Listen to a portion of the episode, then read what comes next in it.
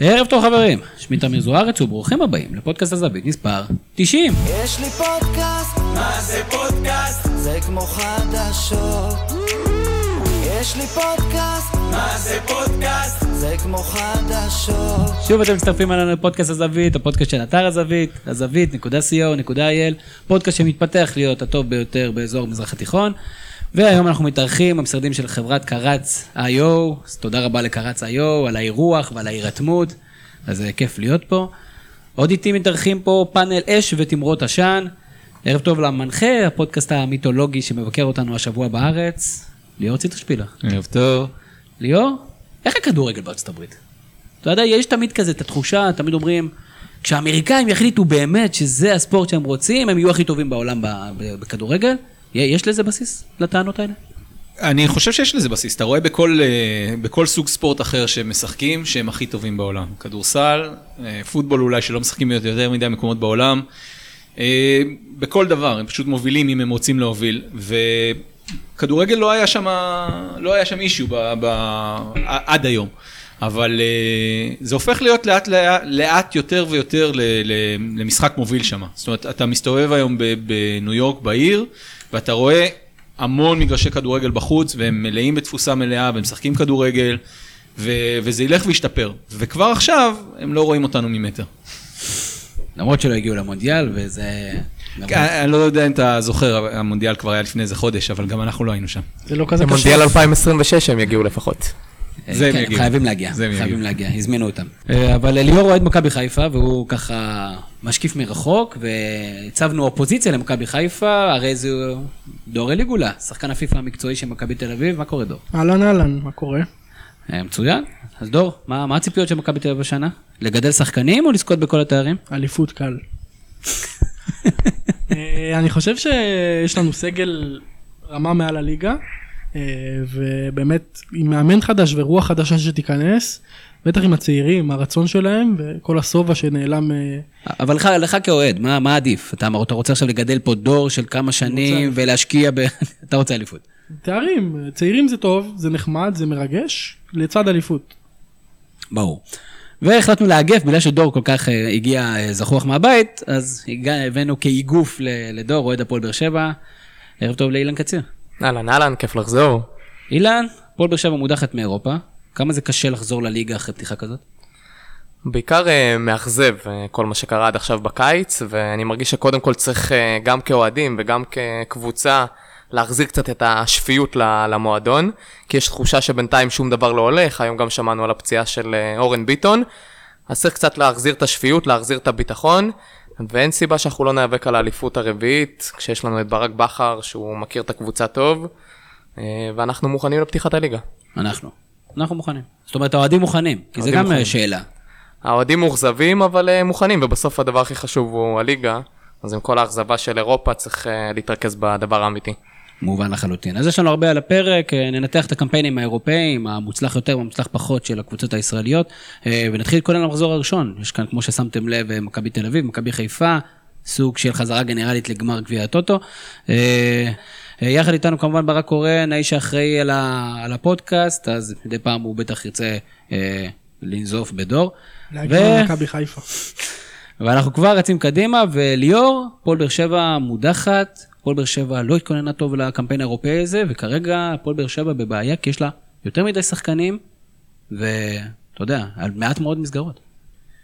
אני לא, אני לא חושב שזה בעיה, כי בסוף מי שטוב משחק ומי שפחות טוב לא משחק, ו- אה, והוא צריך להבין איזה שהוא פחות טוב, ואז יש ינואר, יש חלון העברות, וכל מיני שחקנים ימצאו את דרכם החוצה. אבל אה, בגדול אני חושב שהפועל באר שבע, האמירה לא התכוננה טוב לעונה הזאת היא, היא לא מדויקת, כי לצד ההפסדים ולצד זה שהיא נכשלה בסוף בקמפיין האירופי והלכה הביתה, היא כן ראית ברגעים מסוימים, במשחקים מסוימים, הפועל באר שבע. זאת אומרת, כן קבוצה מתואמת, כן קבוצה שיודעת להגיע למצבים, כן קבוצה שיודעת להניע כדור כמו שצריך וגם מתכוננת ליריבות שלה. אני חושב שאחת הבעיות הגדולות של הפועל באר שבע זה בחירת הזרים, שהייתה אה, לא נכונה. דיברנו על זה לפני זה, פה, לפני הפודקאסט, ואמרתי שאני לא מבין איך אה, שמים את כל המשקל, את כל האשמה על אנסטיס, שהוא שוער כנראה היום ונורא, אבל, אה, אבל אה, בסוף העמידו אותו, ההגנה שלו פשוט לא, לא הגיעה. שיר צדק עוד לא חזר, למרות שהוא משחק, הוא עוד לא חזר, זה לא שיר צדק שאנחנו מכירים. התיאום בהגנה, זה, זה לא תיאום כבר בהגנה. אין, אה, כבר אין אה, תוספים, אז איך אה, אותו דבר? זה, זה, זה אתה אמרת. אני, אני חושב שהוא, אה, שהוא שחקן טוב, ובליגה הזאת היא, כנראה שבקבוצות המקצועניות לפחות, כל השחקנים לוקחים תוספים. אה, אה, כנראה מותרים או לא מותרים, לא משנה. אבל, אבל בסוף הפועל באר שבע כן התכוננה טוב, ובליגה היא כן, כן יהיה לה משקל רציני. הפציעות האחרונות, אורן ביטון וכאלה, זה, זה קצת טורף את הקלפים, אבל לאט לאט זה, זה יתחבר, אין לי ספק בזה. אילן, איך הלכת אה, לראות הפועל באר שבע? וואקמה בחוץ, וזה מישהו מאוד חזק, אני לא מאלה שאומרים זה וואקמה ועוד כמה, וכי הפועל באר שבע הסתדרה גם בלי וואקמה, שנה שעברה בשלבים מאוד נרחבים. אור ביטון נפצע, זו מכה, אין מגן שמאלי עם יכולת התקפיות כמו של אירון ביטון. יש דיבורים על זה שג'ון הוגו לא בטוח יישאר. מה, תן לנו קצת inside stuff מהפועל באר שבע. אני רואה את אה, באר שבע משחקים מאז שנת 1995, ולי אין ספק שטוני נוואקמה הוא הזר הכי טוב שהיה, לפחות בחלק ההתקפי, הזר הכי משמעותי שהיה בקבוצה, וזה מכה באמת רצינית. אני יכול להגיד שבינינו, בין האוהדים, אנחנו דיברנו המון שנה שעברה, ונראה שטוני באמת כבר הוא... הוא מיצה את, ה... מיצה את עצמו בהפועל באר שבע, כי הוא באמת לא היה לו כל הזמן את החשק לשחק ברמה שהוא יודע. או שלא הביאו לו מספיק כסף. אה, או שלא נתנו לו מספיק כסף, אבל צריך לזכור שטוני נכנס השנה לשנה חמישית בחוזה, מה שאומר שכדי שבאר שבע תוכל לשלם לו את אותו שכר, הם צריכים להכפיל לו בעצם את השכר. אה, וזה ברור, כשאתה מנהל סגל ואתה מנהל קבוצה, אין ספק שטוני הוא השחקן הכי משמעותי, אבל ברגע שאתה מעלה לו את השכר, גם ג'ון יבוא ויבקש אה, העלאת שכר. עכשיו, אני לא אומר למי מגיע, למי לא, זה בסוף לא כסף שיוצא מאיתנו אוהדים. אבל אני מבין את ההנהלה שהיא רוצה לנהל פה איזה משהו שהוא שפוי ברמת המשכורות, שלא כל שחקן מוביל עכשיו יבוא ויבקש שכר דומה, כי לטעמי גם אליקסון אז מגיע לו לקבל שכר דומה. אה, ואז נוצר פה איזשהו חוסר איזון, ו- וניהול סגל הוא משהו מאוד מאוד רגיש. אז אני כן חושב שלמרות שזה מאוד מאכזב, זה כן הייתה החלטה נכונה להיפרד מטוני. אה, אני לא חושב שג'ון אוגו יעזוב את הקבוצה. באר שבע פשוט אין לה זרים. אה, אם הם ישחררו את טוני, אז אנחנו פשוט נהיה סוג של נבחרת יש ישראל את אה, הנסטיס. מוחלשת. אה, הנסטיס זה אולי אה, תפקיד של מאמן שוערים אה, בנוער, זה גם לא הייתי מביא לו. אז למרות ש... ליאור ציין פה מקודם שבאר שבע כן ניסתה לעשות מהלכים נכונים בקיץ. הרגשתי שהמהלכים היו מאוד מאוד מאוחרים. גם את הנסטיס הם הביאו אמנם במהלך מאוד מהיר, אחרי שהעסקה של שטקוס לא הצליחה, אבל זה גם היה מאוחר כבר, זה היה קרוב מאוד למשחק מול פלורה טאלין. הוא לא נכנס בכושר, גם סטו.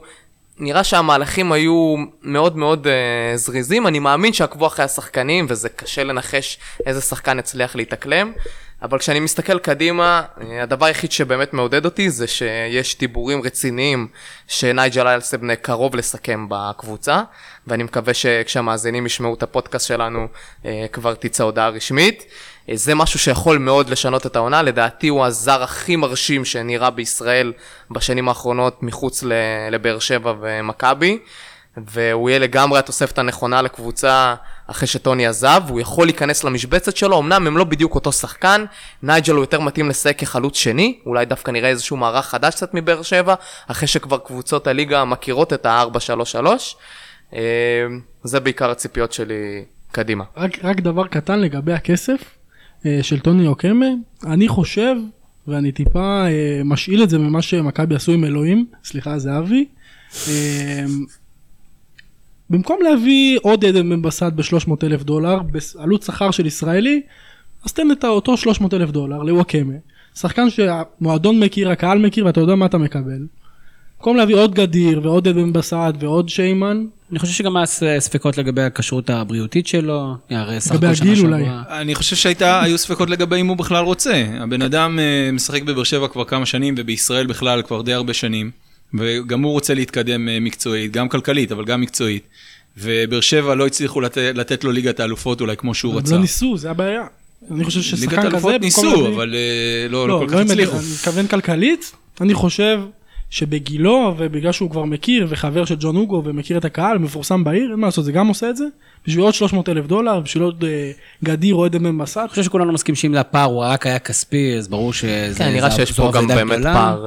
אה, אה, לדעתי יש פה עוד איזה כל מיני דברים אה, מעבר, זה לא שהוא עבר עכשיו לאיזה קבוצת פאר והלך להגשים את עצמו ברמות הגבוהות באירופה. אבל הוא עבר לליגה הרבה יותר טובה. הוא עבר. לליגה הרבה הרבה. תמיר, תודה באמת, אתה כששמעת שטוני עוזב, אתה יצאת לחגוג. ברחבי העיר. לא יצאתי לחגוג, כי הייתי עייף מהחגיגות לפני זה שהודחתם באירופה. סתם. אני חושב שהוא השחקן הכי. דומיננטי בליגה מאז. זהבי. אין ספק, השחקן הכי דומיננטי בליגה, ואני רוצה לה- באמת, דור אליך. אני רק רוצה להגיד הערה קטנה, שאוהד מכבי תל אביב אומר אה, המלך, ואחרי זה אומר זהבי, אז זה- אלוהים. זה נורא, אלוהים אמרת, אלוהים, ואחרי זה אומר זהבי, זה משהו מוזר לי, כי אה, המים אבי נימני. אבי נימני מגיע מיד אחרי זה. כל אחד בתקופתו יש מלך, יש מלאך. סך הכל מדובר בילד בן אה, 22, 23. 23. מזל טוב. מכיר גם את תקופת נימני. בסדר. עכשיו בוא, נתייחס ברצינות, אה, פתחת ב- באמירה מתריסה וזה בסדר, אנחנו מבינים שככה אתה מתכוון לנהל עכשיו את הפודקאסט, לא, לא. ואמרת שמכבי הולכת לזכות באליפות אה, בהליכה, בוא ננסה שנייה לנהל את זה באמת בצורה רצינית. מה חסר לפועל באר שבע כדי, לדעתך, לטעמך, להיות מתמודדת מאוד אה, חזקה? אני בהחלט מאמין שהיא תהיה שם. ברור. אבל מה אתה חושב? אני גם, אני חושב ש... בטח בליגה היחסית חלשה שהתפתחה השנה, באר שבע תרוץ חזק מאוד, כי יש לה מאמן טוב, יש לה בסיס טוב, יש לה הנהלה טובה, יש לה קהל טוב. יש לה קהל, איצטדיון, שזה יתרון שיש לה למשל על מכבי, אה, אבל מצד שני אני חושב שמה שהם איבדו השנה, בהליכה של, בעזיבה של וואקמה, בעזיבה של ויטור, בעזיבה של, לא בעזיבה, ב- ב- ב- היעדרות של ביטור. בהיעדרותו של ויטור, בעיקר, אה, שוב, גם בעזיבה, אגב, של בוזגלו ב- בשנה שעבר, בקיץ שעבר, זה היכולת לצאת מרגעי משבר ב- בתוך המשחק, או בכלל לרגעי משבר קבוצתיים. אני חושב שברגע שב... כמו כל קבוצה, באר שבע תיתקל במשבר הראשון שלה, לא יהיה לה על מי להישען. כי שוב, עדן בן בסט ודומיו, ונקרא לזה אה, חן עזרא, זה sidekick טוב, אפשר להגיד, אבל זה לא שחקן שאתה יכול, שוב, להסתמך עליו ברגעי משבר. בוזגלו הוא כזה, נוואקמה הוא בטח כזה. אני חושב אה, שיש להם עדיין שני שחקנים כאלה, אחד זה חנן ממן והשני זה מאור מליקסון. אני לא יודע כמה הוא יכול להיות שחקן מוביל במרוץ אליפות ברגעי משבר. מליקסון הוא כזה. הוא היה בפלייאוף אה, שנה שעברה, ממן מהרגע שהוא הגיע הוא זה כן. שלגמרי נכנס לעמדת השחקן המוביל אבל- והגולר בקבוצה. אבל קל לעשות את זה כשוואקמה נמצא ומושך אליו שלושה שחקנים. כשהק- כשההגנה מתרכזת בך זה הרבה יותר קשה. אגב אני שוב משאיר את זה למכבי שכשזהבי עזב היינו קבוצה טובה אבל ברגעי משבר סקריונה לא מספיק. נכון. גם וטל בן חיים לא היה מספיק. לא הוא לא הם מספיק. שחקנים מעולים אבל כדי לקחת אליפות לדעתי אתה צריך את ה- את הפריצה הזה. ואם נייג'ל אמון- יגיע לדעתך אז... אה, אני לא יודע צריך לראות איך הוא מתפקד בקבוצה גדולה. בקריית שמונה זה שוב זה נוח זה יפה צריך לראות איך זה. זה- דרך אגב, ציינת את, אה, את חן עזרא. אם ברק בכר יצליח לעשות ממנו שחקן שיודע לשחק בתוך שיטה מסודרת, צריך להכתיר את ברק בכר ל- למלך ישראל. זה לא לא באמת החתמנו משהו. עדיין את ברק בכר? אחרי השלוש שנים האחרונות? הכתרנו אותו, אז הוא כבר מלך מלך, ישראל אוקיי, אז- קל. אז מעבר. אז אה, מלך ישראל קל. נוציא אותו מלך לאירופה. מלך ממלכת אה, באר שבע. הממלכה הדרומית. כן. אה, דרך אגב, הפועל באר שבע, ש- אני רוצה שוב לחזור, מי השחקנים אילן שלדעתך הפועל באר שבע תשחרר, או שזה הולך להיות הסגל עד סוף השנה? אי אפשר. לא, אני חושב שישחררו עוד כמה שחקנים, כבר וובה בראון בדרך לקריית שמונה, כנראה איזשהו אה, ממתק כבר- הוא אה, ממש בדרך, הוא עכשיו בחיפה, לקבוצה אה, לפני ש- לפני עסקת אה, נייג'ל. אני חושב שגם גדיר אה, יעזוב את הקבוצה. לגבי מלמד, אני חושב שכן הייתי משאיר אותו בסגל, כי הוא יכול לשחק גם בכנפיים וגם הוא חלוץ טוב. לא העניין קיבל הוא פיננסי, איך עומדים ב- בפרפלי הפיננסי בלי אירופה? המשכורות אה, שמשלמים לשחקנים הישראלים הן לא משכורות גבוהות, ולא היו שום עלויות העברה משמעותיות, אה, לפחות לא בקיץ האחרון. כן, אבל אני חושב שבונים גם על הכנסות עתידיות, זה לא בדיוק שונה. אה, אני חושב שקבוצת כדורגל מכינה תקציב שהוא מבוסס על איזשהו תרחיש אופטימי ותרחיש פסימי, ואני בטוח שה... קבוצת כדורגל רצינית, לא ישראלית. לא, אני בטוח שאלונה קבוצה- יודעת מה היא לא, עושה. באר- שבע לגמרי. לדעתי מעבר לגדיר ווובה שישוחררו, אני לא רואה עוד הרבה הם שחרורים. א' יחסכו משכורות. לדעתי, ב' הם הרוויחו קצת כסף מטוני, לדעתי הם הרוויחו כמה קצת כסף במידה ובאמת אוגו ילך, שזו גם שאלה, מי מי יכול להחליף את אוגו? דרך אגב, מה- אתה חושב על השחרור. של פקארט? אני חושב שזה שחרור נכון. אני חושב שפקארט הוא שחקן טוב, אבל הוא שחקן שהוא לא מתאים לשיטה של אה, ברק בכר, ופשוט היה אפשר לראות את זה בכל משחק. אה, אומנם הוא שחקן גבוה, ועם נתוני, הגיע לפה על טיקט של שחקן שהוא עם נגיחות טובות, אבל יכ... יכלנו לראות אפילו במשחקים בליגת העל שאין לו מספיק כוח פיזי ואין לו מיקום מספיק טוב כדי להגיע לכדורים שמוגבהים. ואתה לא יכול להגיד שאין שחקנים שמגביהים טוב, כי גם אורן ביטון היה איתו כל השנה שעברה והוא מגביה כדורים טובים לרחבה, גם מאור מליקסון וגם טוני וואקמה שהוא על הקו והוא נותן כדורים טובים לתוך הרחבה. הוא פשוט לא מתאים לשיטה של אה, ברק בכר, שהיא הרבה יותר מבוססת על תנועה ומשחק על הקרקע, ולכן אני חושב שגם נייג'ל הוא יהיה הרבה יותר מתאים לשיטה הזאת, ולשחק כחלוץ שני ליד אה, בן סער או ליד עדן בן בסט. אבל כמה, כמה אנשי אמצע יהיה בבאר שבע? יש את מליקסון שנכנס לאמצע, יש את אה, חנן ממן לא, שנכנס לאמצע? לא, אבל מליקסון תופס את אגף ימין. אבל הוא נכנס לאמצע כל הזמן. הוא נכנס לאמצע כי אין ברירה. אין בעיה, אז הכדור מההגנה ו... אסלבנק, חן עזרא כל הזמן נכנס לאמצע עם רגל ימין, זה יכול להיות פקק uh, מטורף שם. לא, אבל אני רק בהקשר של פקארט, אני אגיד שיש uh, שיטה, שאני מסכים, הוא לא מתאים לשיטה, אתה צריך חלוצים שיודעים להחזיק כדור ברגל יותר טוב, אבל זה היתרון של שחקן אחד כזה בתוך קבוצה. שכשלא הולך, כשאתה תקוע ויש לך את השחקן הזה שהוא בתוך הרחבה והוא גבוה והוא יודע לנגוח, אני, אז אני מסכים, אתה מייצר משהו אחר שאין. נתן, הוא נתן אה, יח, יחס שערים לגולים לא רע בעונה שעברה. שערים לדקות. יחס שערים לדקות. היה לו כן. עשרה, 11 שערים. כן, תשעה שערים לדעתי, אבל הרבה מהשערים היו די במקרה ולא היו מהלכי כדורגל שהם באמת מתוכננים. 95% מהשערים בליגת העל. אני לא חושב שהוא מתאים, אני חושב שזה נכון ששחררו אותו ופינו מקום לזר. בסופו של דבר, הכל שאלה של מה אתה מביא במקום. וזה מוביל אותי לעוד אחד מהאנשים שנמצאים הרבה על הכוונת של התקשורת, של אוהדים, וידר קיארטנסונדו. ויש דיבור כזה כל הזמן, מה, אבידר, מתי, מתי מוכרים אותו, הוא לא עושה טובה שהוא משחק, כל מיני שטויות כאלה, ואני אומר, מי ש... אם אתה משחרר אותו, מה אתה מביא? או מה חסר למכבי תל אביב? קודם כל, אני לא הייתי משחרר אותו, בטח לא בשלב זה. אני חושב שהוא חלוץ טוב.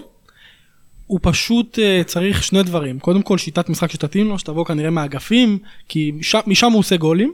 ואני חושב שעם ההצטרפות של סבורית, ובטח במשחקים שעטר משחק יותר קשה לו, כי עטר אה, מושך הרבה כדורים אליו, פחות משתף את הכדורים אז יותר קשה לו. זה לא רק עטר, גם צ'יקו משחק באותה שיטה וגם אצילי נכנס לאמצע. פחות לא, משחק אגפים. אה, אבל אני חושב שבשלב זה מכבי, שוב צריך, הכל זה של חלופה, צריכה להישאר עם מה שיש, עם מה שמוכר, עם מה שיודעים לשחק איתו, שזה וידר, שאני חושב שאני היום, השבוע בדרבי כיניתי את וידר ביטקוין. יש שבועות שהוא על הגל ואי אפשר לעצור אותו, וכולם אה, מדברים וידר, וידר, וידר, ויש שבועות שהוא למטה וכולם רוצים לזרוק אותו. אז... אה, אז אתה אומר, תחזיקו את הביטקוין. לא, אז בשביל זה הביאו גם חלופות, כמו שכטר, שאני מת עליו, הוא כמו גיא פניני, ואני יכול לדבר על זה, אבל... אה, ששכטר הוא תחליף מעולה, בטח לדק... למשחקים שבהם וידר פחות תורם, או משחקים שאנחנו רוצים טיפה פלפל, ולמשל אני הייתי פותח איתו ביום ראשון. אבל אה, זה תחליף מעולה. אה, ושוב, ועטר וצ'יקו, יש, יש עם מה לעבוד, אני הייתי משאיר את וידר כי הוא יכול להביא לך בקלות את ה-15 שערים במשחק, בעונה. הכל צריך בקלות, הוא יכול להביא בקלות, אם היה מביא בקלות, שנה שעברה, למה הוא לא הביא בקלות? הוא הביא, הוא הביא. דרך אגב, לא כדאי להתחיל לבנות על יונתן כהן? אני הייתי משאיר אותו כשחקן סגל. שחקן סגל זה לא, כאילו לא ישחק. אני לא הייתי משאיר אותו, אני לא הייתי משאיר אותו כשחקן סגל. אני מאוד אוהב את יונתן כהן, הוא היה עשה... אבל איפה הוא אני חושב שאני חושב שהתחרות היא בלתי אפשרית עבורו. הוא לא יקבל הרבה דקות, וחבל, שילך, שחק כדורגל. שילך לקריית שמונה, שילך לקבוצות או, שהוא רואה מקבל דקות. או לתת לו להתחיל לשחק, על חשבון, על חשבון וידר. לא, הם לא, לא, לא לא באותו שיטה, הם לא באותו אזור. התחרות שלו היא אצילי, התחרות שלו זה עטר, התחרות שלו זה צ'יקו. מיכה אפילו קצת. התחרות שלו זה מיכה, כן, וזה התחרות הזאת קשה מדי. בהתחשב בזה שמיכה ישחק השנה יותר במרכז, כמו שראינו, אני חושב שלמשל את חוזז כן הייתי משיל. אם אני מכבי. הוא שחקן עם יכולות אחרות. הוא שחקן אגף, קלאסי, שחקן מאוד מאוד מהיר. גם יונתן כהן. ויונתן כן נכנס לאמצע. כן. ושוב, חוזה זהו משהו שאין הרבה למכבי תל אביב, אולי עכשיו עם צ'יקו אז יש להם. שחקן מהיר. מאז טל בן חיים למכבי תל אביב לא, לא ידעו לצאת ממתפרצת. נכון. תמיד זה היה נעצר אצל וידר או אצל שוינפלד, אנשים, שחקנים מאוד מאוד כבדים. גם עטר, עם כל הרזומה שלו, הוא לא שחקן מהיר. לא, הוא רץ כזה במקום. הוא מהיר שהוא רוצה. הוא רץ במקום. שבא לו. הוא פשוט חושב קצת לאט, הרגליים שלו מהירות. אה, כן, בוא נגיד ככה, אלירן את האחודים אנחנו נקבל ממנו, אני יודע מה אנחנו הולך לקבל ממנו. אם, אם, אם הוא אוהב את המאמן והוא רוצה לשחק, אתה יכול לקבל ממנו, אתה יודע, זה כמו מנה... לגבי וידר, אני חושב, אני חושב דווקא שהסיפור שלו קצת מזכיר את הסיפור עם אה, טוני. גם יש תחושה שהוא שחקן שהוא קצת מעל הליגה, אבל הוא קצת מיצה את עצמו. אה, ולא סתם, הוא הרבה פעמים ציין שהוא כנראה הולך לעזוב את הקבוצה ברשתות החברתיות. אני חושב שמכבי צריכה למכור אותו כל עוד היא יכולה, כל עוד אה, בידן. נשאר, אני לא רואה אותו מגיע שוב לערך אה, הכספי שהוא היה בו. כמו ביטקוין. אז כדאי, כדאי עכשיו פינת לממש. הממון של הזווית. ליאור, איך אתה רואה את הסגל של מכבי תל אביב? אתה מסכים עם דור שזה הסגל הכי חזק בליגה? אני, אם אני צריך להמר מי לוקח את האליפות השנה, אז אני חושב שמכבי תל אביב לוקחת אליפות. אמ, באר שבע יש לה קשיים, אנחנו רואים את זה, היא עוד אה, תעבור הרבה קשיים במהלך העונה, ויש גם את מחסום שלוש העונות, שאנחנו רואים אותו הרבה אצל קבוצות בכלל בעולם, אבל בטח בישראל, שקבוצות אחרי שלוש, אה, שלוש אה, אליפויות רצופות הן בשלות מדי, או מתחיל להימאס להם, או איזשהו משהו בחיבור שהיה קודם לא, לא קורה. מכבי תל קבוצה, מבחינת הסגל, היא, אין ספק שהיא הכי טובה בליגה. בוא נגיד שאולי אותו דבר כמו באר שבע. אבל מאמן חדש, שנראה שיודע על מה הוא מדבר, אה, קבוצה שמתחברת למאמן. ראיתי ראיון עם אה, דור מיכה, ששאלו אותו על אה, השינוי מהתקופה של ג'ורדי לאיביץ', אז הוא אומר בפוליטיקלי קורט כזה, שינויים זה דבר חיובי. אה, אז, אה, אז אפשר להבין שכנראה ש, שיש שם איזשהו חיבור יותר טוב עכשיו. אה, ואין אף קבוצה אחרת בליגה, לצערי, שיכולה להוות איום על שתי, יש, שתי הקבוצות האלה. יש. מכבי חיפה. יכולה להוות איום אולי על הפלייאוף העליון. לא, יש, אה, יש גם בית"ר ירושלים שאנחנו נדבר אה, עליה. אליפות? אל תרסו לי את הליגה עוד לפני שמתחילה. אליפות? לא, אתה יודע, כל האליפויות של קבוצות כמו קריית שמונה, ואליפויות של מונקו בצרפת, ולסטר, תמיד התחילו מזה שהיו בטוחים שהפייבוריטיות ייקחו את האליפות. אני חושב שהמכשול היחיד שיעמוד בפני מכבי, והוא מכשול לא פשוט, זה האיצטדיון. אני, אני כאוהד, ואני רואה גם מסביבי, יש תחושת מיאוס מאוד גדולה. זה ביום חמישי נגד אה, פיוניק, זה לקח שעתיים להגיע לאצטדיון אני מתל יצאתי אביב. בשבע מתל אביב, אני הגעתי במחצית השנייה בתשע. לכם כאוהדים, אבל השחקנים לא מרגישים כן, את זה, הם באים באוטובוס והם יושבים והם משחקים באיצטדיון שהם משחקים בו כבר שלוש שנים, הם מכירים אותו, זה כמו איצטדיון ביתי כן, בשבילם. אני אתם מסכים. אוהדים בכל זאת מגיעים ונותנים להם את האווירה הביתית. בלומפילד היה מסכים. שווה נקודות, טרנר נכון. שווה נקודות, נתניה, מחסיר נקודות. שווה פחות נקודות, כן, זה, זה נכון. ודרך אגב, זה לא תירוץ, מכבי תל צריכה לקחת אליפות עם הסיטואציה נכון. הקיימת, כמו שמכבי חיפה עשתה קמפיין נהדר כשהיא בכלל אירחה בקפריסין, זה לא תירוץ, אבל זה, זה, כמו מכשול. שאומר, זה מכשול. זה בהחלט מכשול, זה לא אותו דבר כמו שיש לך טרנר, ואתה יודע שגם כשתהיה רגע- רע- לא משנה מה יהיה, אתה... אתה מפגר את הנקודות. 2-0 נגד הפועל חיפה, יש לך את האנרגיות לחזור ל-2-2, לצורך העניין. נכון, זה, מי שנמצא באצטדיון הזה יודע, דרך אגב, הוא אחלה אצטדיון, כשאני הייתי מגיע אליו, כ- ב- אתה יודע, מדי פעם שמכבי הייתה משחקת שם ברדיוסים, אחלה. אחלה אצטדיון. כשהוא אצטדיון ביתי, משהו שם לא עובר. ו- שעתיים ש- נסיעה, לא אבל עובר. זה תירוץ, אם מכבי לא תוכל להגיד, "לא, בגלל נתניה לא זכינו באליפות, זה תירוץ, אין, בסופו של דבר אם לא ניצחת שם את הפועל רעננה, זה לא בגלל האצטדיון. נכון. מה אתה אומר אילן? מכבי תל אביב? מכבי תל אביב אה, תתחרה על האליפות. אה, אגב, אם מדברים על אצטדיונים וטרנר, אני חושב שיהיה מעניין לעקוב השנה אחרי טרנר. אה, כבר במשחקים של הליגה האירופית ראיתי את טרנר אה, מלא בעשרת אלפים צופים פתאום, ולא, זה משהו שלא היה קורה שנה שעברה, תמיד האצטדיון היה מלא כבר מהשלבים הראשונים. יש איזושהי הרגשה של אה, התרופפות קצת בקרב האוהדים, גם בגלל הקיץ ה... המאוד מאכזב שעבר בגזרת הרכש, אז יהיה מעניין אה, לעקוב ולראות אם, אה, אם טרנר אה, יישאר מלא. לגבי האליפות, שוב, אני חושב שהיתרון המרכזי של באר שבע הוא ברק בכר, ועם כל הכבוד לאיביץ', אני בינתיים, לא יודע, לא ראיתי יותר מדי ממכבי, ראיתי אותם עוברים בקושי את פיוניק שמקום חמישי בארמניה, בואו נזכור, קבוצה שהיא אפילו בליגה לאומית לא בטוח שהיא שורדת אצלנו ב... בליגה. אז uh, צריך לתת לזה עוד זמן ולראות אם זה באמת מתחבר. אני, אני מסכים לחלוטין שהניצחון הזה בדרבי עם ההרכב השני ועם הילדים גרם פה לאיזה, לאיזה בחינה לא נכונה לא, של המצב מק- כרגע, של המצב כרגע של מכבי הסגל תל של אביב. מכבי הוא מאוד אה, ארוך, ודווקא מצחיק, טוב. מצחיק שמדברים על מכבי א' ומכבי ב' בהקשר של הכדורגל, כשדווקא הקבוצה של הכדורסל החליטה שהיא עושה שתי קבוצות השנה, החליטה ולא עומדת בהחלטה. והיא לא עומדת בהחלטה, אז איביץ' החליט שהוא לוקח שהוא יעמוד אה, בהחלטה. על כל המועדון. אה, יש- הייתי מכניס גם את ביתר כמועמדת, אם גיא לוזון לא היה המאמן. רגע, רגע, שנייה נגיע. לבית"ר ירושלים, זה אחלה סוגיה. אמ, אני רוצה שנייה לפתוח את אה, סוגיית אה, איתי שכטר, ואתה יודע, חבר טוב מאוד שלי, אפילו נמצא פה בשולחן, כלומר, הוא אומר לי, תשמע איזה קטע, כשאיתי שכטר היה בבית"ר ירושלים, אז הוא היה אויב המדינה, וכל פעם מה זה, ואנחנו פה, רגע על הבמה הזאת, כל פעם אמרנו, מה זה ההתחזויות האלה, אי אפשר, זה בלתי נסבל, זה לא כדורגל, זה לא ספורטיבי. ופתאום כשהוא מגיע למכבי תל אביב, וקצת מושכים אותו, ופתאום פתאום הוא הופך להיות כזה... כן, אה, לא, זה ערמומיות, זה לא הונאה, זה מראה על כך שיש לו תאווה גדולה לנצח, ובואו נשים את הדברים על השולחן. אז שמנו פה אה, שני פרקליטים, אה, פרקליט של השטן, אה, של שייח וקטגור. והסנגור, בהחלט. אז אה, דור, ת, תגיד לי, אה, קודם כל, אני רוצה שתודה, האם כשאיתי שכטר עשה הצגות נגד מכבי תל אביב, האם הרגשת בצורה דומה למה שאתה מרגיש כרגע? קודם כל השתעשעתי מזה.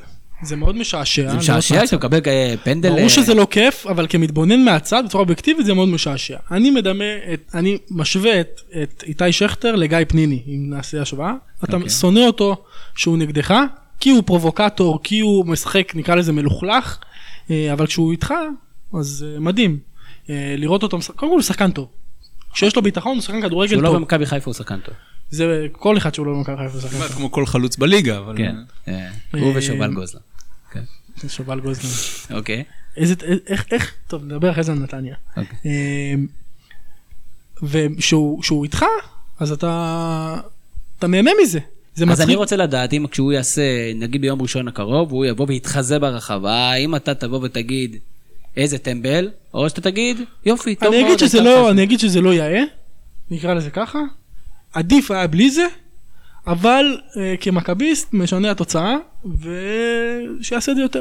אני חושב שצריך להגביל את ה... אני אוהב שהוא לא מתייפייף אבל, ברק, אתה יודע. אני חושב שצריך להגביל את החוזה של אה, שכטר במכבי עד. שייכנס עבר אוקיי. אה, בפלייאוף. אומר לך שהוא עד כדי כך איכותי בזה, שגם על עבר הוא יעבוד. גם על עבר הוא איכשהו, הוא האמת שזאת שאלה משכנע. שרציתי לשאול, האם אה, שכטר ייקח את חצי הראשונה, החצי הראשון של העונה בשביל להתחיל להתכונן לעבר? אני חושב ששכטר לא להכין את קופץ. סתם. אה, שכטר לא קופץ סתם.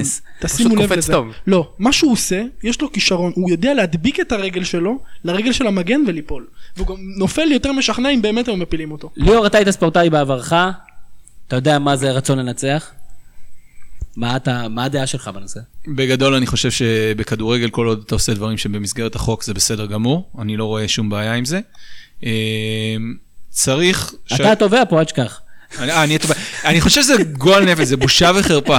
אבל אה, לא, רציני, אני, אני לא אוהב את איתי שכטר. אני, אני גם לא מחזיק ממנו יותר מדי כשחקן. אני זוכר שנים את, אה, את גוטמן נותן לו במה ב- בנבחרת או בכל מיני מקומות שאני לא מצליח להבין למה כשהוא מקרטע לגמרי. לא, יש חלוצים טובים ממנו, אבל הוא חלוץ טוב. נהניתי ממנו. יכול להיות, ואני עדיין לא, לא מאוד. מחזיק ממנו. אני חושב שהוא לא, זאת אומרת, לפחות ביחס למשכורות שהוא מרוויח, זה אפילו לא מתקרב לשם. אבל, אה, אבל אם הוא נפל ברחבה כי הוא החליט לזרוק את עצמו, אז בסדר, בשביל זה יש שופט, בשביל זה יש כוונים, בשביל זה יש עוזרי שופט, בשביל זה בתקווה עוד מעט יהיה ור, ושיתחילו להוציא צהובים, ושישב ביציע עם... אה, אבל אני חושב שמפריזים ב- ב- ב- בעוצמה של... הוא שחק... שוב, אני חוזר, הוא שחקן כדורגל טוב גם בלי זה. זה... אז למה הוא צריך את זה? כי זה מוסיף. למה... למה... ואתה יודע מה מצחיק? כשהוא מתראיין או זה, אז אתה יודע, הוא הרבה פעם או חצי מיתמם, הוא מייקל ג'ורדן היה שחקן כדורסל מעולה, גם בלי הטרשטוק שהוא היה מאמלל את היריבים שלו. לא יודע אם זה אותו דבר.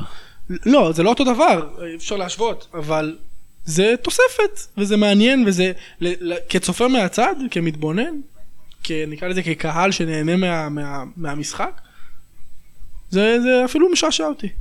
בסדר, טוב. אה, בצד שלנו עכשיו זה משעשע, אני חייב להגיד זה כישרון. שכמו שאני מצפה מהקהל, אני חייב להגיד לך, אולי זה באמת קצת נאיבי, אני מצפה שכמו שהקהל של מכבי תל אביב שרק שנה שעברה בוז לבלקמן בכל מיני ניסיונות התחזות, אני מצפה שהקהל של מכבי תל אביב ישרוק לו בוז על התחזות כאלה עלובות. אני לא אומר על איזה נגיעה ואתה יודע, ממשיך כזה זה נפילה. תלוי כמה זה איכותי. אל תצפה שלא תתאכזב. אה, אז אבל, אומר לך, אה, אז אתה אומר שזה היה בגלל שהוא היה שחקן זר בלקמן והכל? לא, לא. אני לא יודע, אני אומר לך, בלקמן שנה שעברה היו מקרים שהם היו אפילו גבוליים, לא על הקהל זה. היה מתעצבן. לא עליו. על זה, היו אולי מתעצבנים עליו, אני לא יודע, לא לא הייתי במשחק של מכבי תל אביב, אבל היו מתעצבנים אולי על זה שהוא אה, לא מוסר, על זה שהוא אוהב את- את הכדור יותר מדי, דברים כאלה, אז אני- אפשר להבין. אבל לא על זה שהוא ניסה לסחוט כדורים חופשיים או פנדלים. לא יודע, זה- דווקא- תמיר. אנדר עובר אה, שבעה וחצי התחזויות השנה לשכטר. שנה התחזויות- שעברה תשע. התחזויות אנדר מוצלחות? עובר 75, אה, מוצלחות. כן, מוצלחות. מעל. לדעתי ישפטו אותו מאוד בחומרה. אתה משקלל את הכניסה של עבר בפלייאוף? אני חושב, בניחוש הזה? אני חושב ששכטר השנה סוחט לפחות חמישה-שישה פנדלים. אמיתיים אבל. לא, לא, לא. אף אחד מהם לא אמיתי. אני אפשר קשה- פה. להגיד אמיתי. לחתוך לא, בגלל פה. שמכבי נמצאת כל יש כך לנו הרבה... את זה, דור, יש לנו בגלל. שמכבי נמצאת כל כך הרבה ברחבה, הנה, כמו הפנדלים צ'יקו. בגלל שמכבי נמצאת כל כך הרבה ברחבה, זה פשוט יקרה, זה. לא יודע, לא קיבלנו הרבה שם. שנים קודמות. בסדר גמור, בוא נעבור הלאה לקבוצה שמכבי תפגוש בגמר גביע הטוטו, ליאור, מכבי חיפה עוברת בסופו של דבר את הפועל חיפה בדם, יזע ודמעות, אה, לוקחת את הדו-קרב הפנדל הזה, הפנדלים הזה, ואז קורה משהו מאוד מעניין, השחקנים בטירוף, חגיגות משוגעות, ואני שואל, האם אתה שותף לחגיגות? אני מוותר על גביע הטוטו בשביל לנצח אתכם במחזור הראשון בליגה, זה בכלל בלי לחשוב פעמיים. אבל אני, יצא לי לשחק לא מקצוע, מקצועניות, אבל בכל מיני תחרויות יותר חובבניות, אה, אה, מכללות וכאלה, ואתה אתה מנצח משחקים שהם כלום, הם שום דבר, אף אחד מסביבך לא יתלהב מהם, אבל אתה מאושר, כי אתה ניצחת. וזה, זה, זה, ככה מתנהגים ספורטאים אמיתיים, ואני אני לא יכול לשפוט כדורגלנים שמנצחים משחק ועולים לגמר, גם אם זה גמר גביע השוקו, והם אה, לא חוגגים. אם הם לא היו חוגגים, אז הייתי אומר שכנראה אין להם passion למקצוע, ואז הייתה לי בעיה עם זה. אני חושב שהם חגגו יותר, יותר מהקלה מאשר מחגיגה אמיתית. יותר מהחגיגות של זהבי בפנדל בליגת האלופות? לפחות הוא היה בליגת האלופות. אוקיי. גם, אה, אוקיי. דבר שני, אמ, אני חושב שאם הם היו מפסידים את זה, זה היה משליך על כל העונה, כמו שכל ההפסדים בתחילת העונה בשנים שעברו, השפיע על המשך העונה במכבי חיפה. הם היו ביתרון מול עשרה שחקנים, שהם היו צריכים לשמור כולה חמש דקות על היתרון. תניעו כדור, תסיימו את זה. קיבלו גול בדרבי, בבית, במשחק בית. זה לא שזה סמי עופר, אבל כל הקהל וכולי. אם היו מפסידים את זה, זה היה משפיע גם על יום ראשון, ועוד פעם חוסר ביטחון ועוד פעם הכתבי חצר. עצם זה שניצחו לדעתי זה יותר הקלה. אני חושב שכתבי חצר זה בילדין, אני לא יודע כן, איך אבל, כש, כשהם מנצחים אז אין, אין לכתבי חצר דלק. אה, אני חושב אבל ברגע שהם אה, יפסידו, אם הם יפסידו למכבי במחזור הראשון, כבר כולם ישכחו את העלייה לא, הזאת. אני לא חושב. שמכבי חיפה יכולה ל, ל, ל, לכוון היום לניצחון לכוון, בטוח במחזור יכולה. ראשון עם קבוצה חדשה יחסית בבית של מכבי תל אביב שהיא כנראה שוב כמו שהסכמנו הקבוצה הכי חזקה allegedly בליגה. לא יכולה כן, לכוון לזה. מכבי תל מגיעה אחרי, קודם כל, כל משחק מכבי תגיע אחרי הפסד בנורבגיה. מכבי תל אביב הפסידה, חסרת ביטחון. אה, אני חושב ש... לא, אני, אני חושב שמכבי חיפה, אני מקווה שככה מסתכלים על זה, אני לפחות כאוהד מסתכל על זה, המחזור הראשון הוא באמת נגד הקבוצה הכי טובה בליגה, או אחת משתי הקבוצות הטובות בליגה, והפסד לא, לא יגיד שום דבר על הקבוצה, אני- זה בדיוק כמו ארסנל ב, ב, בתחילת העונה באנגליה. אה, היא קיבלה שני משחקים אה, שהיא לא יכולה לנצח, ואומנם עם כל הביקורות שיש על הקבוצה אחרי שני ההפסדים, היא, היא תיראה אחרת עוד אה, שניים שלושה מחזורים שהיא תתחיל לשחק מול קבוצות אמצע טבלה ותחתית. ואני חושב שגם אצל מכבי חיפה זה יהיה ככה. הבעיה אצל מכבי חיפה שהיא פשוט לא טובה גם נגד קבוצות אמצע טבלה ותחתית כרגע, הסגל אני לא דווקא חושב טוב. שהשיטה של מכבי חיפה והשחקנים של מכבי חיפה ש- שמריץ אה, המאמן רוטן, דווקא הרבה יותר מתאימה למשחקים מול מכבי תל אביב והפועל באר שבע, מאשר אה, באמת נגד קבוצות בני סכנין כאלה, או מכבי נתניה, שייתנו לך להניע כדור ויעקצו אותך, וראינו אתמול שער נהדר של מכבי חיפה במתפרצת, מתפרצת. עם מוחמד עוואד ורוקאביצה, שתמיד טוב נגד במשחקים האלה. אני ממש לא חושב שהם לא יכולים לחלום על ניצחון, בהחלט חולמים. הם הגיעו עם קבוצה הרבה פחות טובה נגד מכבי אביב, הרבה יותר דומיננטית לפני, שנ... לפני שנתיים לנתניה, וניצחו 2-0. ולא אבל- גנבו ניצחון. אבל, וזו ניצחו. הייתה הנקודה שלי, אני חושב שאם הייתי אוהד מכבי חיפה, הרבה יותר הייתי מחפש את היכולת מאשר את הניצחון, מאשר את אני, אני הנקודות. מסכים עם מה שליאור אומר, שהפסד בנתניה לא יהיה עכשיו קטסטרופה ועכשיו בוא. נפטר את המאמן, זה ברור. אני הייתי מעדיף לראות, אם אני אוהד מכבי חיפה, הייתי מעדיף לראות את הקבוצה מניעה כדור, עומדת, ולא הולכת אחורה ומחפשת מתפרצות, כי זה מה שיוביל אותם קדימה לעונה כולה. עוד שלוש נקודות, פחות שלוש נקודות, לא ישנה יותר מדי. בגדול אני מסכים לגמרי, אני חושב שמכבי חיפה לא מתמודדת השנה על האליפות, וכשקבוצה לא מתמודדת על האליפות, אז מה שהיא צריכה לבנות זה סגל טוב, אה, לקדם שחקנים, ולהשתדל לא לרדת ליגה גם. אילן, זה, זה הסגל? זה הסגל שמכבי חיפה תפתח את העונה? אני חושב שהמהלך של אה, גיא חיימוב, שאיבדנו אותו לטובת מכבי חיפה, הוא מהלך שהוא חשוב להם. ברגע שיש לך שוער שהוא מנוסה, שהוא מכניס ביטחון להגנה, זה משהו שמאוד יכול לעזור להם, אה, כי היה המון, לא לויטה ולא גלאזר, אף אחד לא הצליח ליצור שום רצף של, אה, של משחקים.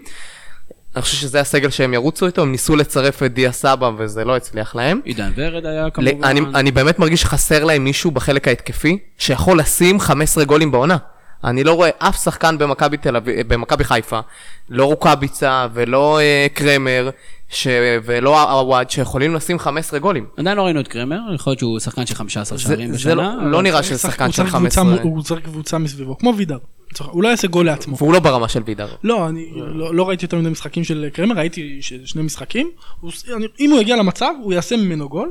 אה, באחוזים יחסית סבירים אני חושב, אבל הוא צריך את הקבוצה. רוקאביצה לא שחקן שיבשל לו גולים בקצב, וכנראה גם לא אוהד. ליאור, יהיה עוד שחקנים? אני מאוד מקווה, כי, כי אנחנו רואים בוודאות שחסרות לפחות שתי עמדות או שלוש עמדות משמעותיות בקבוצה. זה מגן שמאלי, זה קשר באמצע, וזה קיצוני על הקו, באחד מהצדדים, לא משנה באיזה.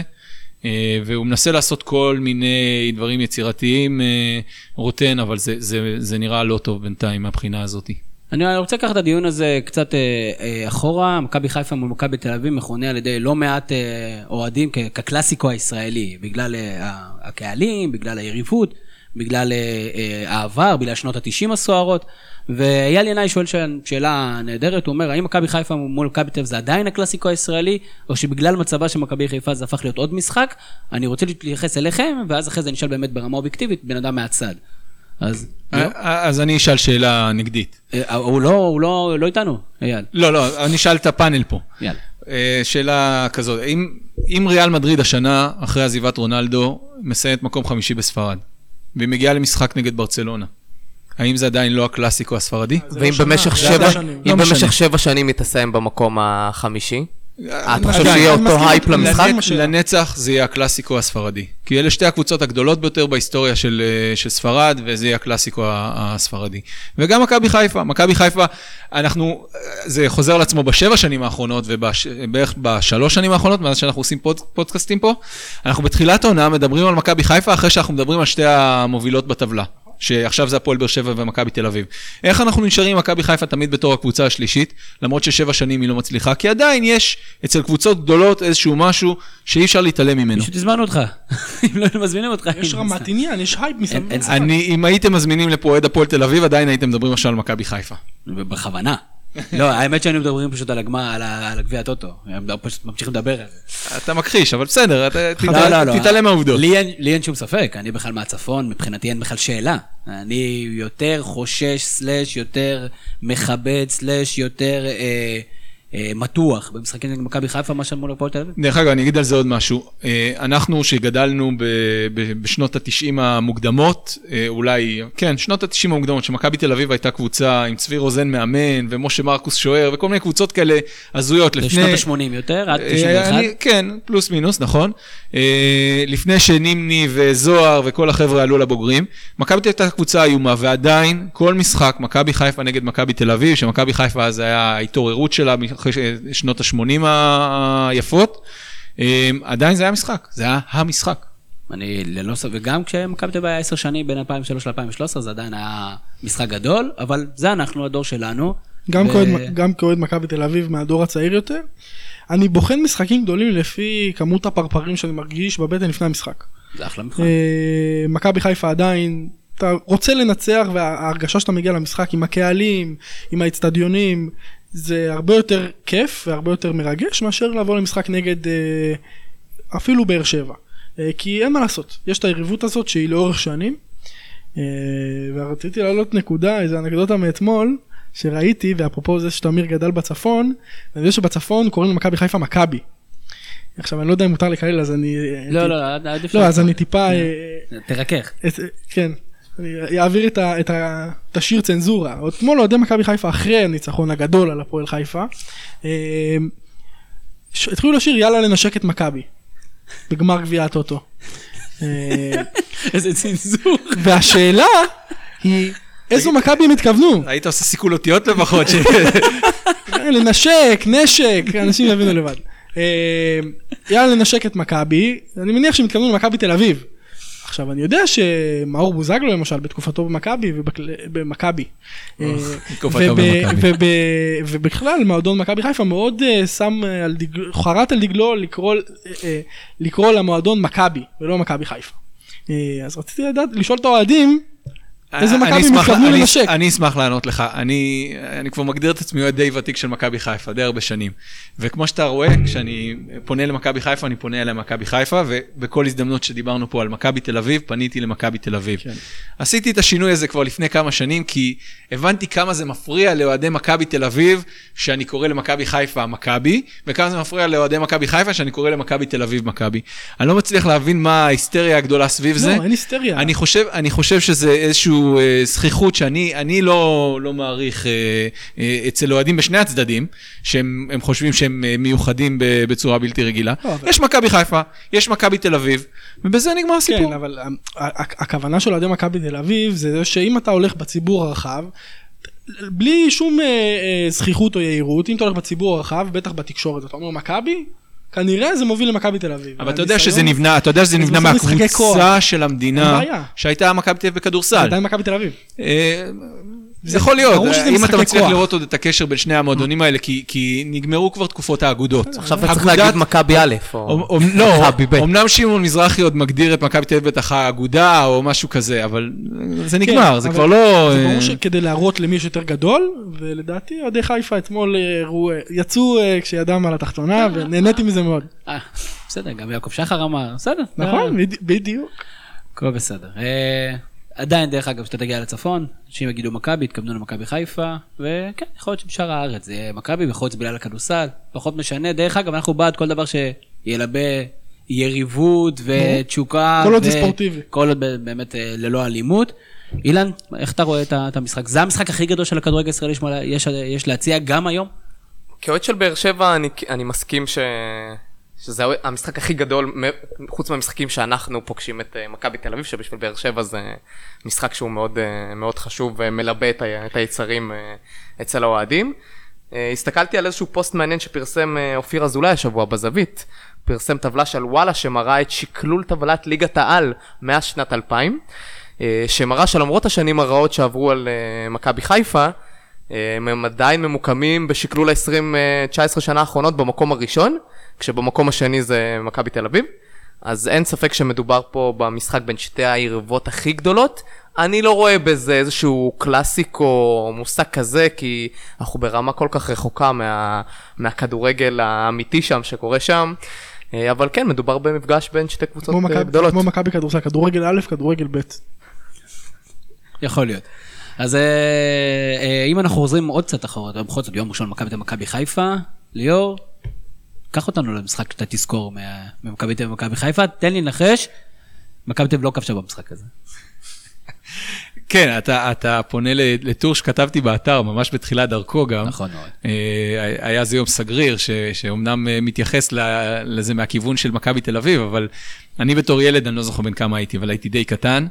זוכר את המשחק הזה באמת כאילו זה היה אתמול. אה, זוכר שאנחנו עומדים בתור להיכנס ליציאה, ואני זוכר איך אני נחנק שם בין המון של אנשים, שזה היה גם תקופות שהיינו מגיעים למשחק כדורגל אה, ארבע וחמש שעות לפני בשביל לעמוד בתור ולתפוס אה, מקום בקריית אליעזר. ו... ואז 5-0, ואז 5-0 מדהים עם אה, ברקוביץ' ועם מזרחי ועם עטר ועם גצ'קו ועם גלאם. זה לא קצת כל ההרכב. לא, ש- רק את הגולים נתתי, אתה רוצה שאני אדבר על ההרכב גם? בסדר, האמת שדור, אתה- סיפרת כבר מה נכון, המשחק הכי גדול שלך, אבל אה, אני אתן לך בשביל הקונטרה, אז- לפני אז אני- שנקפל את הסיפור אז הזה. אני אגיד לו anything you can do I can do better. קודם כל אוי, בגלל תגיד השש. 6-0, בגלל השש. שהפסדתם אבל את לא הגמר גביע שלי. יום אחרי זה, אבל זה לא התשובה. שלי, כי בשש זה יצא מבחינתי אכזבה, כי לדעתי יכולנו לעשות שם יותר משש. אם לא מדוניאנין שם מריץ את הכדור. אה, זהבי יצא דקה 60. איזה- איזה- איזה טיפשות, בחייה אתה לדורות. זוכר ששבוע אחרי זה הפסדתם גמר המשחק גביע? שאני באמת זוכר, האמת שלא הרבה יזכרו את זה, דעתי. שזאת תהיה הנחמה שלכם. זה מה שאמרתי. אני אני- מזכיר, אחרי שבוע הפסדתם גמר גביע. המשחק שאני באמת זוכר, זה המשחק אה, בעונת סוזה, המס- מחזור שלישי, שאתם הייתם עם בנאדו, ה-3-0 שניצחנו בקריית אליעזר, כשאני ר- הבנתי שאנחנו כבר גדולים על מכבי חיפה, כי זה היה בבית שלהם, בבית שלכם, וראיתי את מכבי חיפה פשוט חסרת אונים. וזה היה אחרי שנים רבות, מאוד מאוד אה, מהנה, ואני אזכור את זה לדעתי כל החיים, כי זה באמת היה רגע מיוחד, יותר, אפילו יותר מה-6-0. אני רק אגיד על המשחק הזה, על ה-5-0, לא בשביל אה, להקנית או משהו כזה. אה, מכבי תל אביב, ספציפית למשחק הזה, הגיעה באחת הקבוצות הטובות ביותר שהיו פה במדינת ישראל אי פעם. זה, זה נימני וזה זוהר וזה שוהם וזה זה. שלח וזה קלינגר וזה דריקס ובאמת כאילו זה היו שתי, שתיים מהקבוצות הטובות ביותר שהיו אה, אה, בכדורגל הישראלי ואם היה צריך להמר לפני המשחק אף אחד לא ידע להמר על המשחק הזה, זה באמת היה. זה, אתה תיארת מצב שבו מכבי חיפה חס, חסרת אונים, היא הייתה קבוצה לא טובה. פה הגיעו שתי אימפריות מטורפות, והיה משחק חד צדדי בצורה ש, שלא נראתה. אני לא- אני לא הייתי אז. אני גם חושב שזה המשחק הכי גדול. ב- כאילו, אחד המשחק, אני חושב שזה המשחק הכי גדול? שהיה, ב- ה-5-0 זה המשחק הכי גדול שהיה בליגת העל לדעתי, לא זה- לא יודע אם זה היה ליגת העל. זה לא היה ליגת העל. אתה משלנו? לא, זאת אומרת, מבחינת באמת הגיעו ש- שתי אימפריות, כן. הגיעו אחד מול השני, קבוצות שלא נוצחו.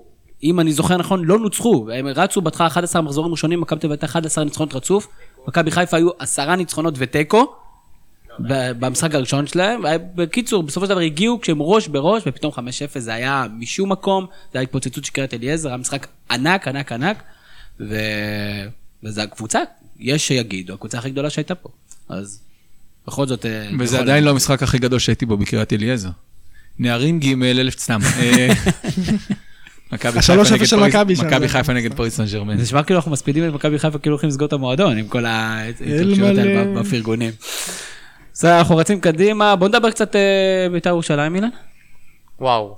מה- איזה מה קרה שם? קיץ מטורף. כן. זה היה אפשר, היה אפשר לראות... איזה שבוע מטורף. As שבוע always מטורף. בבית"ר. היה אפשר לראות השבוע מטורף אה, ממש אה, טוב בקבוצה של הזווית, כשממצב שאנשים, אה, אוהדי בית"ר, אה, חושבים שאולי הקבוצה עומדת לרדת אה, ליגה, העלו שמות אה, כל אה, שעה, ש- שם אחר של איזשהו משקיע שאולי ירכוש את המועדון, אה, ופתאום אה, נחת אה, משה חוגג. אה, שמוכר אה, מכל מיני אה, מיזמים שלו, ניסיונות למיזמים בתחום, ה, בתחום ההייטק.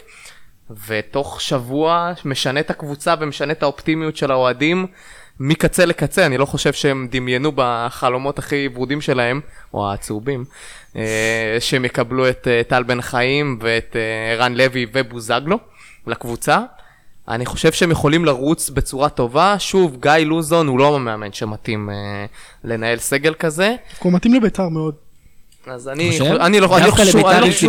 אני מתחבר לנקודה שלך, אולי לביתר, אה, בלי הכוכבים שמכבידים, בדיוק, אולי לזה, לקבוצה שמתחילים להחתים קבוצה שכאילו. אמורה להיות, אה, לרוץ חזק בצמרת. אני לא רואה איך הוא... אני ראיתי קבוצה של גיא לוזון. אני לא רואה איך הוא מנהל את, ה... את הסגל הזה, ויש סגל על הנייר, ש... סגל שהוא טוב, אבל אני לא בטוח שגיא לוזון ישרוד אה, כמו במכבי חיפה, ככה מעבר.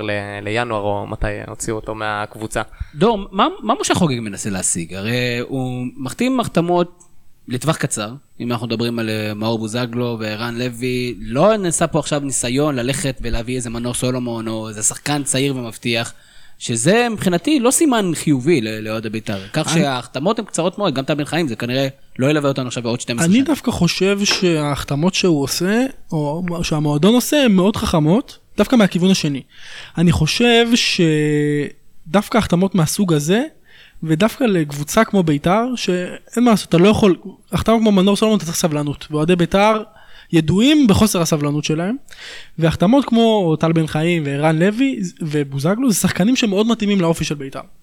הם אה, כולם כנראה מאוד אוהבים את המשחק, מאוד, אה, יש להם תשוקה מאוד גדולה, כמו מועדון בית"ר, כמו בית"ר, אה, ומצד שני זה מועדון שחושב שוב לטווח הקצר, אז ה-DNA פה, למרות שאני לא אוהב את זה כל כך בספורט, את כל, ה, את כל הדברים האלה, אבל הוא מאוד מתאים, ואני חושב שהם שחקנים טובים. שחקנים טובים בטוח. שואל בהתחשב במצאי, מה יקרה עוד שנה? זהו? אני, אני חושב שאלה השחקנים שהיו פנויים, אז זה... בגלל זה הם הגיעו. אבל השאלה אם זה לא מעיד על uh, מקרה כבירי, לדוגמה, לא חושב שקונים את שזה כל. הכוכבים הפנויים שיש בשוק בהרבה כסף, ואז uh, או שהצעצוע נמאס או שנגמר הכסף. אני לא חושב שזה הסיפור.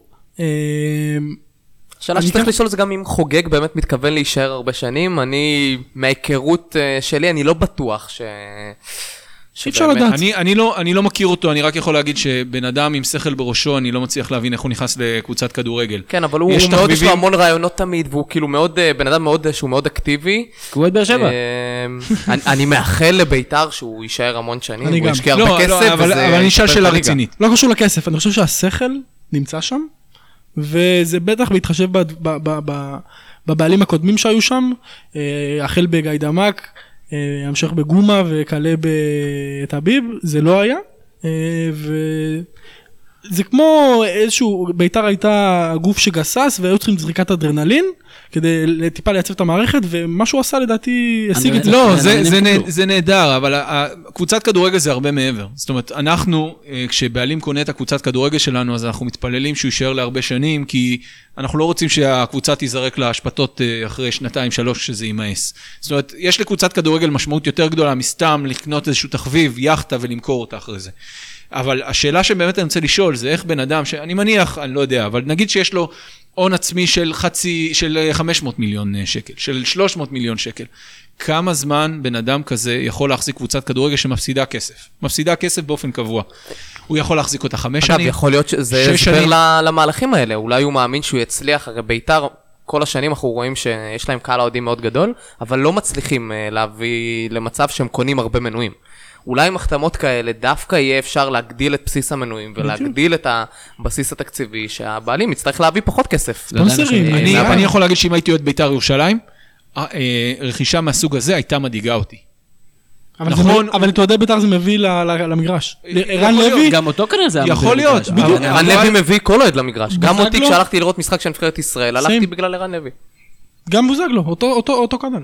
אה, אני, יש, אה, אני ראיתי שרץ עכשיו סקר מ- מביתר חופשי, מי- דקה כן, 90 זה וזה. זה. אני שואל שאלה אחרת, ערן לוי או מאור בוזגלו, מי הראשון שקורע רצועה בברך? לא, לא לא, לא. לא. חס ושלום. בוא, פחות. לא, אה, אנחנו אני לא. לא חושב שלבוזגלו נשאר כבר מה לקרוא. סתם, סתם, אני מאחל לשניהם ש- רק שיצליחו. בריאות. אבל- דרך אגב, איך זה הולך ל- בכלל על המגרש להיות? אני חושב, אני חושב שזה שני שחקנים שלא לא אמורים לשחק ביחד בהרכב. לא, אני- אני- אני לא חושב. אגב, גם אה, בוזגלו בתקופה שהוא היה בבאר שבע, ברוב המשחקים באירופה, ברק לא היה מרכיב אותו בהרכב, בדיוק בגלל הסיבה הזאת, שהוא שחקן שהוא... יכול לא לשים את מאור בוזגלו? אני לא יודע אם הוא יכול, דרך אגב, שימו אבל... לב, מאור בוזגלו תמיד הולך לקבוצות של גיא לוזון. אבל זה, זה פשוט לא יעבוד, כי בוזגלו הוא לא שחקן ש... שעובד הגנתית מספיק טוב על המגרש, וביחד עם ערן לוי וביחד עם ורד, זה קצת too much. וסילבסטר, ו... סילבסטר הוא לא, חלוץ, אני- הוא קצת פחות לעבוד אני. חושב ש- שלגבי מאור בוזגלו לפחות, משהו השתנה שם. הוא מבין שבטח אחרי שתי הפציעות שהוא עבר, הוא צריך להיות יותר זהיר, אה, שחקן של קבוצה מאשר הכוכב שמבקש את הכדור בכל התקפה. לגבי ערן לוי, אני חושב שהוא פשוט לא יודע משהו אחר.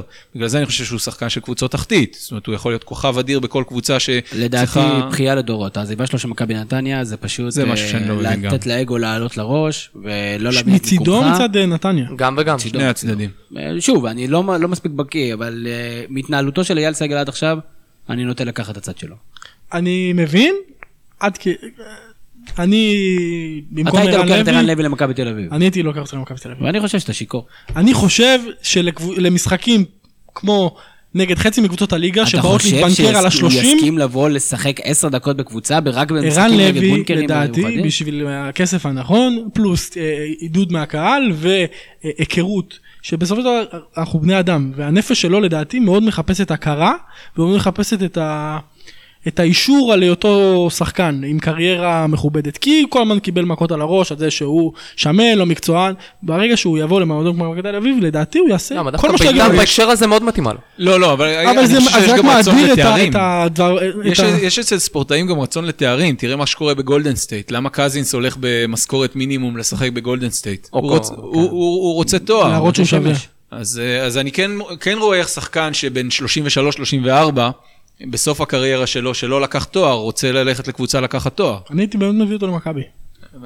הלוואי והייתם לוקחים אותו. הוא ועטר ביחד, איזה חדר הלבשה. אני מוכן לשים סקר הזה ב- ב- בגולשים, לדעתי אתה תהיה בעמדת מיעוט. אה, בוא נרוץ קצת לשאלות גולשים. אה, עידן קוקה אומר, ושימו לב, תגידו לי אם יש לנו בכלל משהו להגיד על הדבר הזה, דברו, דברו קצת על אפליית תוצרת ערוץ הספורט. אין להם כבר תכנים, שום ליגה מאירופה למעט הצרפתית, כמובן ליגת האלופות. מה הסיבה שהדרבי של תל אביב בטוטו היה פתוח לכולם בספורט 5, והדרבי של חיפה בספורט 5 live?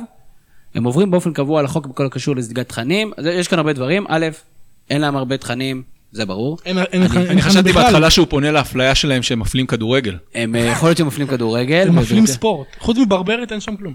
יכול להיות. אני, אני רק אומר מהבחינה הזאתי, שראיתי השבוע את, אה, דיברו על פריס סן ג'רמן, על משחק שהם רצו לקדם, פריס דיברו. סן ג'רמן נגד אה, מונקו או משהו כזה, ואז אה, שלמה שף אמר שזו המועמדת מספר 1 לזכות בליגת האלופות, בגלל שריאל מדריד מאוד נחלשה, וגם ברצלונה לא משהו.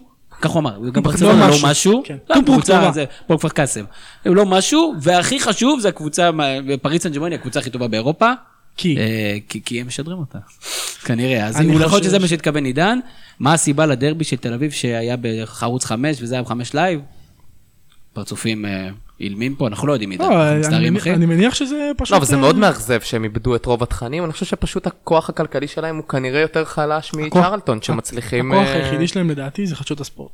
מעבר לזה, שוב, עם כל הביקורת שלנו על ערוץ הספורט, הם כן יודעים לדעתי להנגיש תוכן. הם ידעו, הם ידעו להנגיש, לא נכונים. הם ידעו להנגיש תוכן בעבר, אני זוכר אה, בערוץ הספורט בתחילת דרכו, גם, כן, זאת אומרת, אה, לפני עשר, עשר. עשר שנים, עם הלוגו הישן. היו- oh my god רונן! הפרומואים שלהם למשחקי ליגת אלופות, ל- לדברים, היו באמת יצירות אומנות, אז בתקופה ההיא, אולי היום נסתכל על זה, זה יהיה קצת כמו comedy store. רקע. דרך אבל, אגב, כשהם אה, יאבדו את, אה, אם וכאשר הם יאבדו את ליגת האלופות, אין- אני מנסה להגיד, אז הם יעברו את זה לספורט אחד, אנחנו לא נקבל את האולפן ליגת האלופות הזה, אנחנו לא נקבל את התוכן. לא, אבל אה, אני מניח שכן, כן יהיה, יהיה משהו. זאת אומרת, כן, ליגת האלופות בלי מודי זה לא אותו דבר. בסדר, אפשר... מודי יכול? להגיע גם לספורט אחד. כן, הוא יכול ללכת, אה, הוא יכול לעבור. נשאר להם עדיין ה-NBA, ש... גם זה... אז אה, עידן, אני מקווה שענינו לך, אני אני מניח שלא. עמרי לידור שואל, אה, האם מנהל מקצועי זה סתם טרנד חולף, או שעוד קבוצות יעסיקו מנהלים מקצועיים? דווקא בבאר שבע היה שיח אה, רציני על זה בקיץ, סביב ברדה והרצון שלו להיות אה, מנהל מקצועי. לא, לא היה שיח. ברדה בא לדבר על זה ואמרו לו אל תדבר על זה. כן, אה, וזה דווקא... זה שיח. רצה? זה דווקא מעניין, ואני חושב שהקיץ הזה של באר שבע הוכיח שלא הכל מתנהל בצורה מסודרת מבחינה מקצועית, ואולי כן נכון שתהיה עוד דמות אה, שתעזור בתהליכים שהם לא קשורים ישירות לבחירת ההרכב והניהול של הסגל, שבזה בזה בכר מצוין.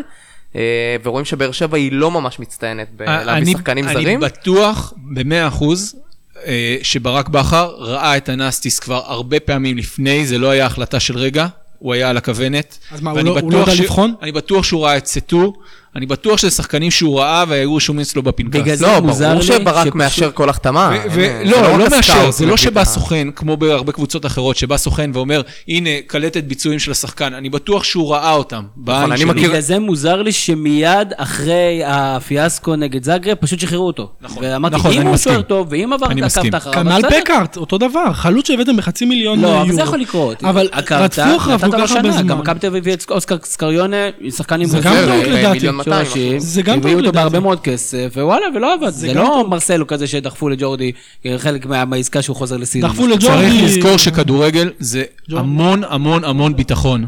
וששחקן בא למדינה בפעם הראשונה, והוא אה, חי פה בסביבה שהוא לא מכיר, ובתור מישהו שעשה משהו כזה לפני אה, שנה בדיוק, אני יכול להגיד שעד שאתה צובר ביטחון ואתה חוזר לס- בדיוק להתנהג כמו שהתנהגת קודם, או להפגין את היכולות שלך אם זה כמו קורה. שהפגנת קודם, אם זה קורה, זה לוקח הרבה זמן. וצריך לתת לשחקנים האלה זמן.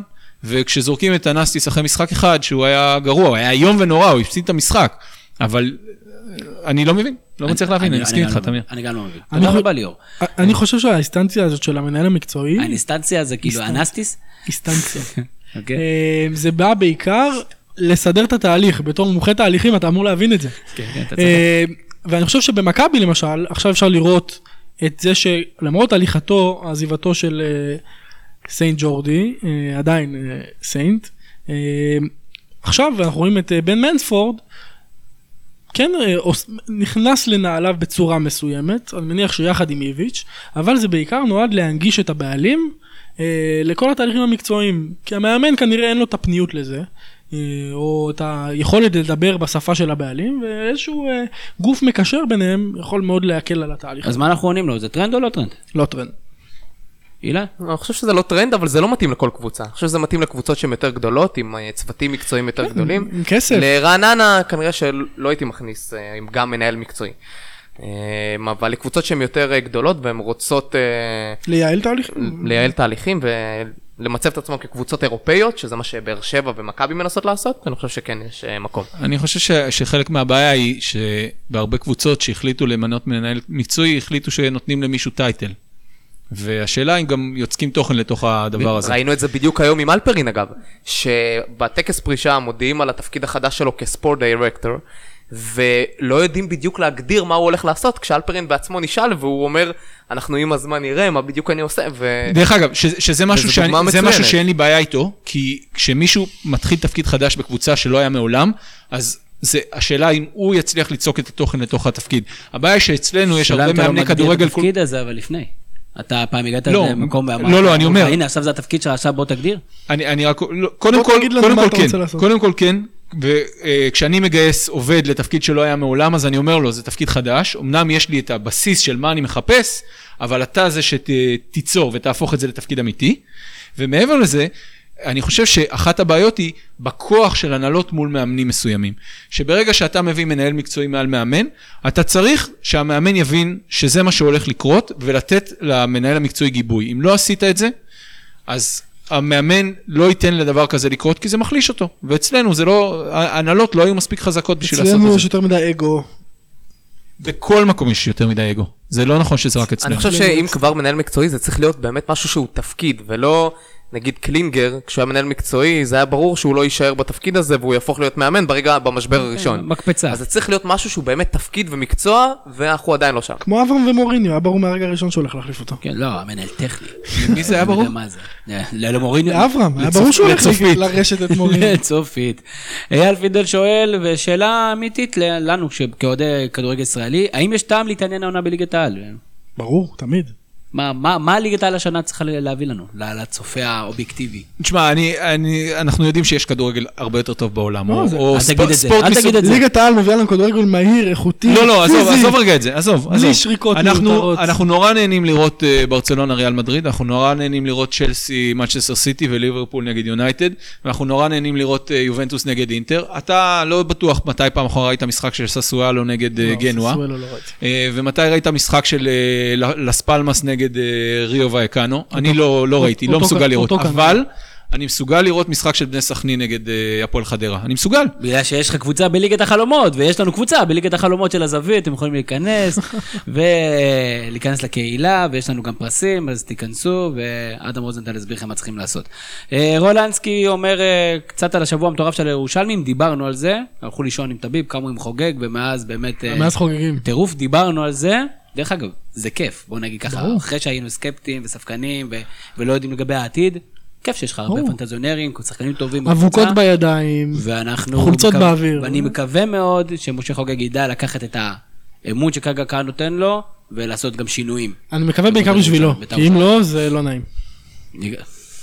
זה לא נעים שם, מה, אתה צודק, אתה צודק. אה, אני רק רוצה, לפני שאנחנו אה, נתחיל להתקפל, אני רוצה לשאול אתכם קצת הימורים על המשחקים המרכזיים של המחזור הראשון, כי יש כמה משחקים מאוד מעניינים. קודם כל, המשחק שכולם מחכים לו והוא יפתח את אה, ליגת העל, מ"ס אשדוד בני יהודה תל אביב. זה נגיד, המ- המינהלת הגיעה, עושה אחלה עבודה במדיה, בליגת חלומות חדשה. עכשיו, דרך אגב, הייתי שואל את גיל הלוי למה? שבוע שעבר, הייתי אבל הם שואל לא אותו, פרסמו. הייתי שואל אותו, אבל הם עדיין לא פרסמו. ו... לא, אבל למה אשדוד נגד בני יהודה? יש הייפ, יש ציפייה, למה? אה, בוא נגיד שיש את הקלאסיקו הישראלי, מכבי תל אביב, מכבי חיפה, ואתם אה, אומרים, אנחנו באירופה, אנחנו לא יכולים לשחק ביום שבת. אבל אנחנו יכולים לשחק. ביום ראשון? לא, אנחנו צריכים, אנחנו היינו רוצים לשחק ביום שני. לא, בסדר, לא משנה, אבל אם היו שמים אתכם בשבת, משחק ראשון בליגה, וואי וואי וואי. אז תעשה עוד משחק. הפועל באר שבע, אחר, הפועל באר בית"ר, שבע, הפועל. הפועל קריית שמונה, זה משחק של, אה, המשחק המרכזי של יום שבת, אז הוא בשעה של המשחק המרכזי, כי יש זכויות שידור של אה, זה, אז לא, נשאר- לא, אתה ברור. נשאר בשעה שש עם אשדוד, בני יהודה. ברור, אבל גם אפשר הסיבה. היה הפועל תל אביב ופועל חדרה, וזה היה גם או הפועל. חיפה, מכבי נתניה אפילו. בסדר, בואו נתחיל להריץ את ההימורים, ואחרי זה אנחנו, שבוע הבא אנחנו ננסה לתפוס אתכם. אה, כמה משחקים מעניינים. ב-25 לשמיני יום שבת, שבע וחצי, הפועל חיפה, מכבי נתניה. דור. משחק טוב. שתי קבוצות פלייאוף עליון בשנה שעברה. מכבי נתניה. איפה זה? בחיפה. במבצר. סמי עופר. לא. 400 אוהדים של הפועל חיפה יעשו שם... יואב- יואב הסיע בקבוק מים לא בונוס. תגיד את התוצאה כבר. אה, הפועל חיפה. אחד אחד. 1-0 הפועל חיפה. אני אומר נתניה. דיה סבא מנצח את הפועל חיפה שמגיעה שבורה וללא החלוץ שלהם שהורחק. אוי. עדיין, עדיין. יש את סייב קשוע. יום שבת רבע לתשע, גם כן שעה גאונית לקריית שמונה הפועל באר שבע. דור? משחק שמונה. בקריית שמונה. קריית שמונה. בגלל שזה בקריית שמונה. באר שבע. אנחנו אומרים רק קבוצה, כי אני... תגיד את התוצאה, תוצאה. מצידי תגיד מי באיזה דקות הגולים. 3-0 באר שבע. חוזרת לעצמה. אני אומר תיקו. תיקו קלאסי, 1-1. מעניין האם נייג'ל יעבור לפני המשחק בין הקבוצות. הוא לא יעבור, הוא יישאר שם. הוא יחזור עם באר שבע באוטובוס לבאר שבע. מקסימום הוא יעבור בינואר. שמת- שמתם לב מה היה השבוע ברדיו חיפה, שהם היו מאוד מאוד בטוחים לגבי משהו, ואחרי חמש דקות יצא זה, מי אמר לך שכרגע אין הודעה שהוא כבר עבר? אני אומר לך, תרגיל, כדאי לך לשמור פרופיל. אני- רואה את השחקנים של באר שבע מתבאסים שאין להם מקום מתחת לאוטובוס, עושים את התיקים, כי המזוודות של נייג'ל כבר שם תפסו את כל המקום. הוא חוזר איתם, הם נוסעים לזה וחוזרים איתו, גדול. כמו הדרבי עם ורמוט. אני אומר תיקו, כן, תכלס. מכבי תל מכבי חיפה, יום ראשון שעה תשע באצטדיון העירוני בנתניה. מכבי תל אביב לצערי. אה, אני אלך אה, מכבי תל אביב לשמחתי, ואני חושב שביותר משני שערים. יותר משני שערים. איפה הבאתם אותו? כן. ליאור? רוצה תיקו, מהמר 2-0 מכבי תל אביב. אני גם אומר מכבי תל אביב. מכבי פתח תקווה ביתר ירושלים. אילן, אני דווקא חושב מכבי פתח תקווה. כמו בגביע טוטו. זה אחלה קבוצה. מכבי פתח תקווה כי ההחתמות החדשות לא, לא ש... עדיין לא משחקים, ומכבי פתח תקווה עושים רושם של קבוצה טובה. יש להם את אלישע, יש להם כמה שחקנים טובים. גדיר. מכבי פתח תקווה על אף אלישע. לא מחזיק מאלישע. אני גם חושב מכבי פתח תקווה. אני מאוד אופתע אם בית"ר ירושלים תנצח את המשחק הזה. לא חושב שהם שם. אה, זו למעשה הייתה שאלת הבונוס שלכם, אז חסכתי לכם את זה. אנחנו מתחילים להתקפל, קודם כל אנחנו שוב רוצים אה, להודות לקרץ איו על ה... אתם יכולים להיכנס לאינטרנט, לראות מה זה קרץ איו, אנחנו לא נעשה יותר מדי פרסומות, אבל תודה רבה באמת על האירוח. אה, דור אליגולה, תמיד כיף, אנחנו אוהבים שאתה מלא תשוקה, מלא שחץ, מה שאין בדרך כלל בשולחן אה, של פודקאסט שלנו. איך היה? היה כיף כתמיד, תמיד נהנה. אילן קציר, מה נאחל לך לשנה? אליפות רביעית קל, מה? השחץ, השחץ אה, אני כבר מתחיל לעבור. יפה, אבל רואה, זה יותר קל לי לפרגן לזה, אני לא יודע למה. אולי זה משהו אישי.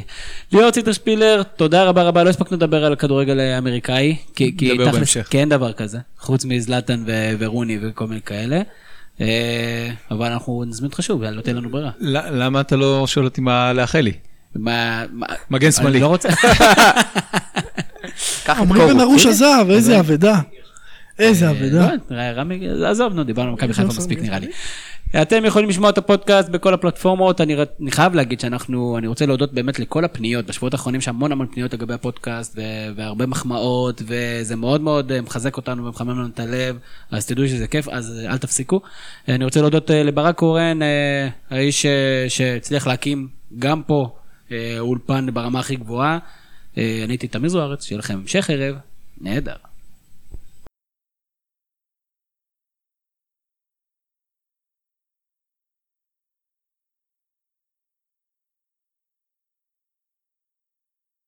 יש לי פודקאסט, מה זה פודקאסט? זה כמו חדשות. יש לי פודקאסט, מה זה פודקאסט? זה כמו חדשות.